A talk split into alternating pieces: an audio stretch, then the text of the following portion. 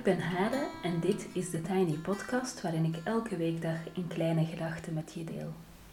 Vandaag is het dinsdag 15 september en de kleine gedachte gaat over ondernemen. Want vandaag ben ik precies een jaar lang ondernemer.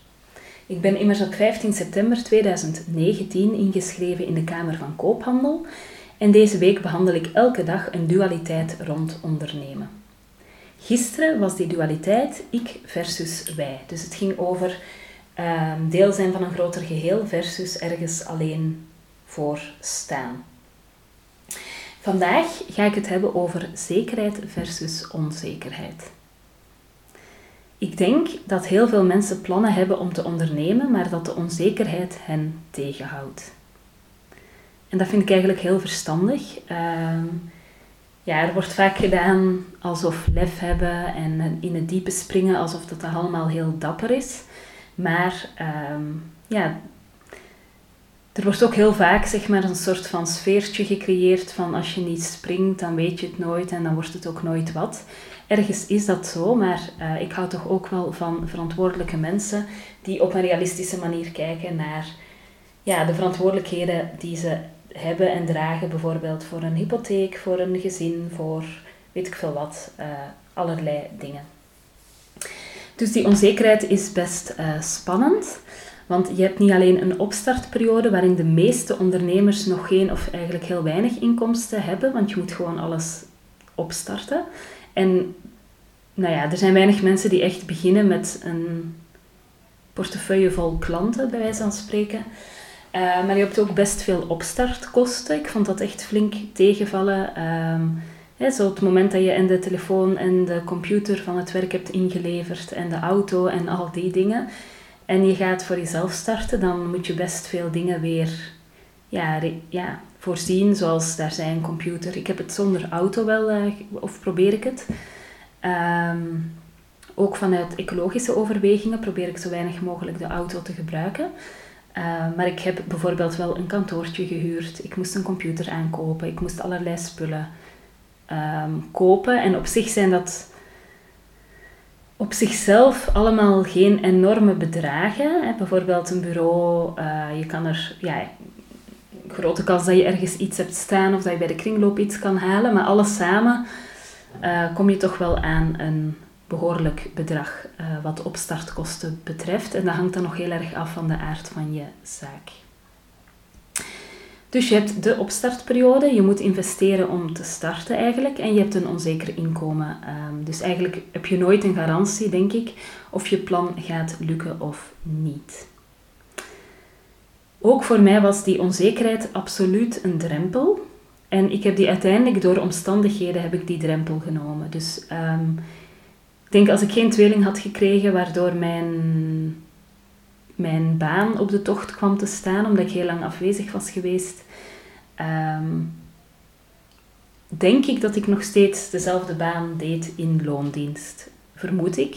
Maar door de omstandigheden um, ja, ben ik uiteindelijk tot deze keuze gekomen.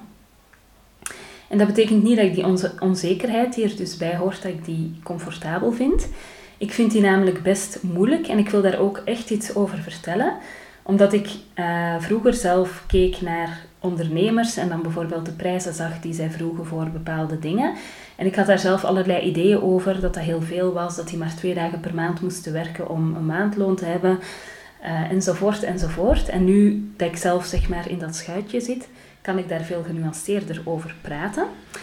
Um, dus daarom denk ik is het ook wel goed om daar een keer over te vertellen. Want uh, voor mensen die eventueel het idee hebben dat ze ergens mee willen starten, denk ik dat het goed is om deze informatie te hebben. En voor mensen die misschien het idee hebben van ondernemers hebben het makkelijk of verdienen makkelijk veel geld, is het misschien ook goed om dit verhaal even te horen. Um, goed. Stel dat je op een organisatie werkt, zoals ik vroeger, en dat er een dagopleiding wordt gegeven door iemand die zelfstandige is. En stel dat je te weten komt dat je bedrijf daar ongeveer 1200 euro bijvoorbeeld voor betaalt om die persoon een dag een workshop te laten geven. Nou, ik had, als ik dat vroeger te weten kwam, dan was mijn reflex heel snel wauw, die persoon moet maar twee dagen per maand werken en die heeft al meteen meer dan een maandloon uh, verdiend op twee dagen tijd. Wauw, uh, wat een luxe. Maar helaas is dat dus fout gedacht. En um, dat had ik vroeger al kunnen bedenken, maar nu ik zelf ondernemer ben, uh, ben ik natuurlijk nog veel meer geconfronteerd met die realiteit. Eerst en vooral gaat er 21% BTW af van wat je verdient. Um, en wat ik dus geleerd heb door ondernemer te zijn, is dat je die BTW binnen de drie maanden moet betalen na de prestatie. Um, dus je hebt in Nederland alleszins vaste momenten waarop die BTW betaald moet worden. En dat is, uh, wacht, hè, dat is eind maart, eind juni, of zeg maar tussen, nou ja, zeg maar na eind juni, uh, na eind september en na eind december. Dus je hebt drie, vier keer per jaar waarop je dus de BTW die je hebt verdiend moet betalen. En wat er vaak aan de hand is, is dat je klanten zelf nog niet betaald hebben. Stel dat je op um, 20, ik zeg maar iets, hè, 20 maart een, een prestatie hebt geleverd. En je geeft vervolgens je BTW aan en je moet je BTW betalen. Dan is het vaak zo dat de klant nog niet heeft betaald, maar je moet wel dat geld al neertellen. Maar goed, we gaan even terug naar het voorbeeld. Uh, in het gegeven voorbeeld gaat het om 252 euro BTW. Dus dat is gewoon geld wat gewoon, ja, wat de persoon niet kan houden, maar wat gewoon doorgestort wordt. En vervolgens moet die zelfstandige ook nog belastingen betalen. En dat is afhankelijk van de hoogte van het totaalinkomen een derde tot de helft. Maar we gaan even vriendelijk van een derde uit. En dan blijft er voor die ene dag werk dus nog 600 euro over. Nog steeds niet verkeerd, zou je denken. Maar daartegenover staat dan weer dat er geen kantoor is van de baas, geen lunch van de baas, geen computer van het werk, geen betaalde vakantie, geen pensioenopbouw, geen verzekering, geen auto van de baas. En als je dan gaat kijken naar die 600 euro, is dat weer een heel ander verhaal. En daarbij denk je van die 600 euro is er voor een dag werk, maar de realiteit is dat het werkelijke aantal uren dat die persoon in die dag heeft zitten, nooit het aantal uren is die jij ziet. Hè? Want die dag moet ook voorbereid worden. Er moet acquisitie zijn, er is vaak over, uh, vooraf overleg, er moeten offertes opgemaakt en verstuurd worden, er moet achteraf gefactureerd worden. Uh, meestal hebben die personen ook best veel opleidingen gevolgd en betaald, uh, dus dat is ook allemaal tijd die erin gaat zitten. Um, die persoon heeft een website te onderhouden. Um, dus als je dan gaat kijken naar die 600 euro en je hebt dat totale plaatje in beeld met ook die onzichtbare dingen achter de schermen, dan zie je wel dat het best relatief is wat een uh, ondernemer uh, verdient. En dat je eigenlijk al heel veel werk moet hebben en het lef moet hebben, wat mij nog ontbreekt, om je uurprijzen echt realistisch te maken, om daar goed van te kunnen leven. En ik moet heel eerlijk zeggen dat ik uh, die onzekerheid heel zwaar vind. En voor mij heeft corona daar natuurlijk stevig in gehakt. Omdat op het moment dat die uh, crisis uitbrak, er van mij allerlei opdrachten zijn geannuleerd. En bijvoorbeeld voor het uh, journalistieke werk dat ik deed of doe, werd op dat moment ook gevraagd of ik voor een veel lager tarief wou werken, omdat er veel minder inkomsten waren, reclameinkomsten. Ehm, dus in die zin uh, kijk ik best terug op een jaar met heel veel spanning en onzekerheid rond het financiële. En ik ben nu een jaar bezig, vandaag precies een jaar, en ik heb echt nog nooit zo hard gewerkt als nu. Ehm, vroeger werkte ik ook heel hard en klopte ik veel uren, maar de eindverantwoordelijkheid dragen voor alles vind ik best ook hard werken. En ook mentaal uh, pittig. Uh, bijvoorbeeld ook heel veel beslissingen nemen. Um, ik denk dat ik qua uren evenveel of misschien iets meer werk dan vroeger. Uh, maar dat varieert natuurlijk nogal, zoals bij veel mensen, denk ik. Uh, maar bijvoorbeeld ja, verantwoordelijkheden dragen, keuzes maken. Ja, dat is ook een vorm van hard werken die ik nog niet echt kende. Dus ik heb het voorbije jaar best hard gewerkt. Uh, en ook heel veel nieuwe dingen moeten doen en moeten leren. En er waren best veel maanden in dat jaar waarin ik mezelf geen loon kon uitbetalen. En dat is, um, ja, dan heb ik gewoon geluk dat ik een partner heb die thuis de vaste kosten aan kan. Ehm, alhoewel dat dat ook allemaal relatief is, want mijn partner is ook zelfstandige. En ehm, de kans is vrij groot dat zijn opdracht afloopt binnenkort. Uh, dus in die zin is dat ook niet iets waar we gewoon in een soort van vaste zekerheid uh, achterover kunnen leunen. Voilà, dit over uh, onzekerheid. Um, en het gekke is, dus ik ben nu een jaar ondernemer en ik merk wel dat er een stijgende lijn zit in het aantal opdrachten en in het financiële. Alhoewel augustus bijvoorbeeld een moeizame maand is geweest, dus zo stijgend was de lijn niet. Hè. Bijvoorbeeld augustus was veel moeilijker dan juni. Um, dus nou ja, ik ben een jaar ondernemer. Ik denk dat het ook stilaan uh, makkelijker wordt, omdat alleszins die eerste effecten van de corona nu een beetje weg aan het vallen zijn. En in plaats van nu even rust te nemen, sta ik voor een nieuwe investering, namelijk het starten van een webshop. En mogelijk lijkt dat heel gek dat ik net ja, een beetje een onzeker financieel jaar heb gehad en nu weer ga investeren. Tot en met dat ik denk dat ik uh, ongeveer voor een investering sta van een kleine 10.000 euro om mijn plan voor de webshop te realiseren. En dat is eigenlijk veel geld, best wel, dat ik niet zomaar heb liggen hier, maar dat ik eigenlijk met andere opdrachten moet verdienen om te kunnen investeren in een tot, ja, tot nu toe eigenlijk een heel onzeker project. En eerlijk, ik twijfel elke dag, maar ik doe het wel. Want die druk van de onzekerheid is immers zo groot dat alles ermee op scherp komt te staan. Dus zoek ik voor mijn webshop personen waar ik graag mee wil werken. Ik probeer heel bewuste keuzes te maken en ik denk over alles heel hard na. En ik ga er volledig voor, want als je veel gaat investeren en je maakt de keuze, dan moet je ook gewoon, ja, dan moet je gewoon ervoor gaan en dan moet je er ook volledig voor gaan. Dat is heel anders dan toen ik nog in loondienst was. En dat er bijvoorbeeld ergens een fonds boven kwam dat 10.000 euro over had voor een bepaald project. En dat wij dat dan er een beetje bij deden naast ons gewone werk. En uiteraard deden wij ons best en zorgden we ook voor kwaliteit. Maar de intensiteit van de inzet is toch volledig anders als je zelf uh, investeert en als je zelf voor die onzekerheid komt te staan. Dus ik neem het risico op dit moment en dat is echt heel erg spannend. Maar zoals ik laatst ergens las, the braver I am, the happier I am. Dus daar gaan we zonder enige zekerheid de sprong wagen.